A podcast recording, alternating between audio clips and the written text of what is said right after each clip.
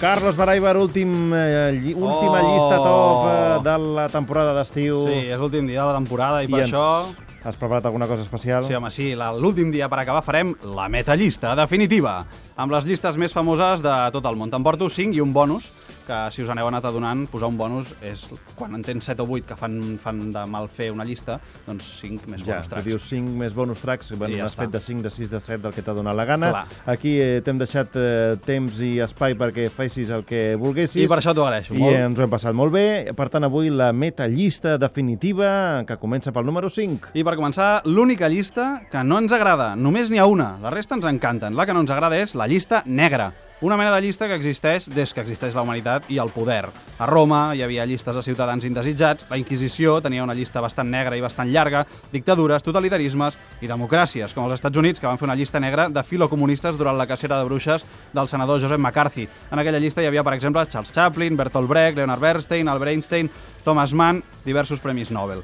Aquí la dictadura també en va fer. Durant la transició, ni més ni menys, en algunes de les últimes, es qualificava Joan Manuel Serrat de catalano-separatista o Maria del Mar Bonet com a comunista. O sigui que imagina't.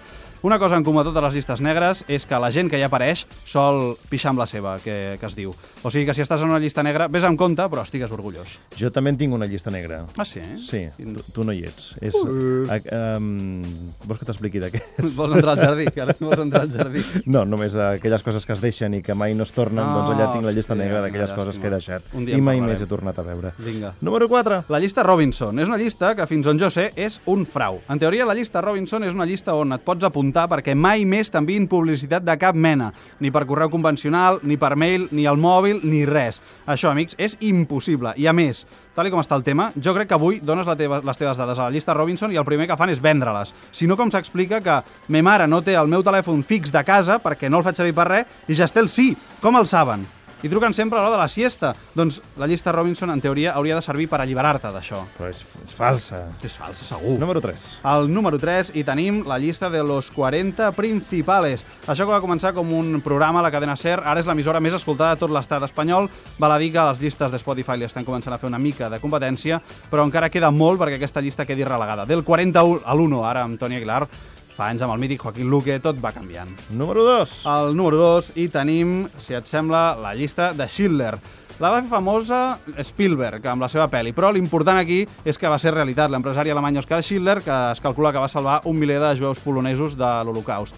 Val a dir que, afortunadament, hi ha moltes llistes similars en tants altres conflictes i altres eh, assassinats en massa que al final han passat al llarg de la història humana. Afortunadament, en paral·lel a les atrocitats més grans, apareixen també les heroïcitats més grans. I el número 1. I a la número 1, la llista inefable, la llista de les llistes, la llista de la compra, una llista imprescindible. I no ho dic jo, ho diu la OCUC, els, les associacions de consumidors, sempre t'aconsellen que si vas a comprar portis una llista, perquè si no acabes comprant aquells xiclets que no t'acabes menjant, aquelles galetes que no saps si t'agraden, tot de coses innecessàries i a més t'oblides del que sí que necessites.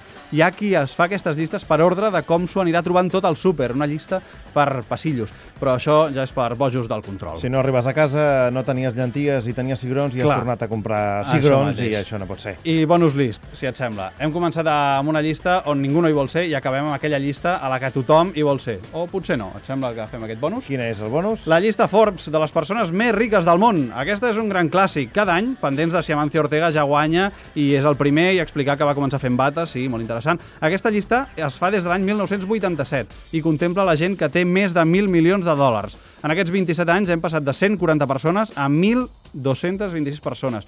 Imagina't lo bé que va el món, no ho diries? Però sí, cada No cop estàvem- més milionaris. No estàvem a crisi? No, però cada cop més milionaris. El número 1 de la, de la primera llista Forbes va ser un constructor japonès de nom impronunciable i en aquella llista ja hi havia espanyols, concretament la família Marc.